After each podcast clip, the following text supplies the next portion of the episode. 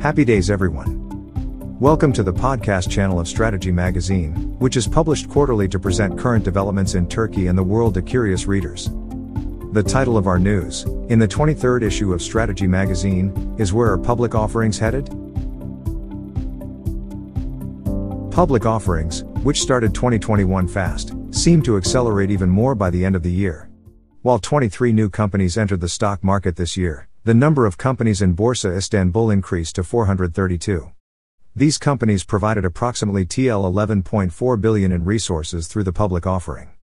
In 2020, the question, I have some savings. Should I buy dollar or gold?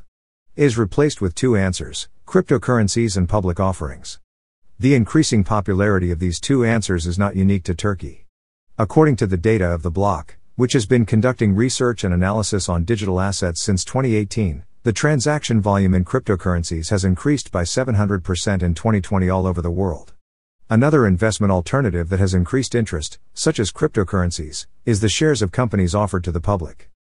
International auditing and consulting company EY, Ernst & Young, has announced the first quarter results of its Global IPO Trends Report 2021.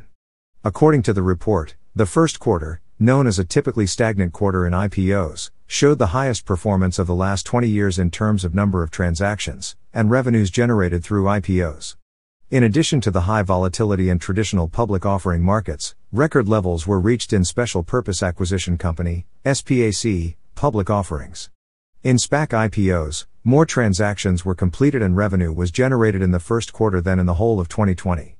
In the first quarter of 2021, the number of public offering transactions increased by 85%, compared to the same period of the previous year and reached 430.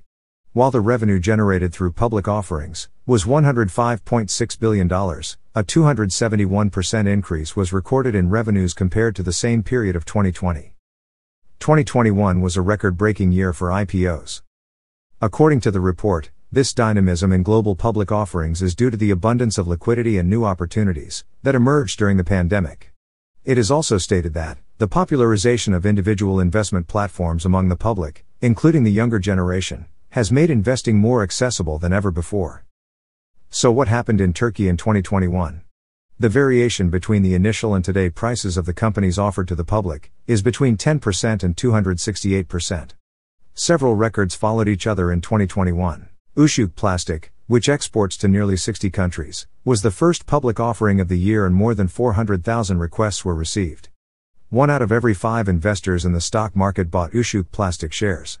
Turk İlaç ve Serum Sanayi, whose main field of activity is the production of human drugs and vaccines, received a demand of 61.9 times the total size of the public offering from over 128,000 investors.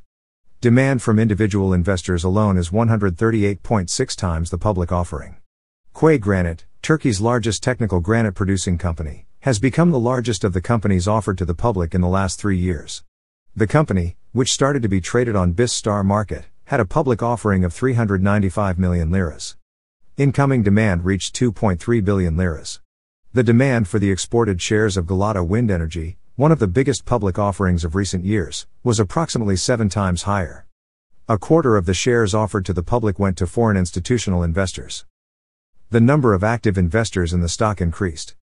Parallel to the global markets, investor interest in Turkish capital markets also increased at record levels.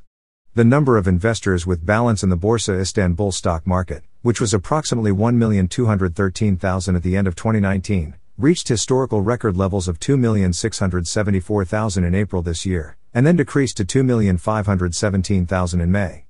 According to TSPB data, the number of active investors in the stock, which was 786.4 thousand at the end of May last year, reached 1,960,000, increasing at a record level of 1,173,000 in the last year.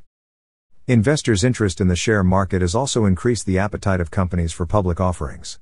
As a matter of fact, in the last months of the previous year, with the high investor interest in the public offerings, many companies put the topic of public offerings on their agenda. The increase in the number of companies going public since the beginning of this year continues at an accelerated pace. Due to the record demand from domestic investors, many companies also started the public offering process this year. You can also reach the printed publication of the Strategy magazine, which includes the article I just read, via the Turkcell Dergilik application or at akfen.com.tr. I wish you all healthy days.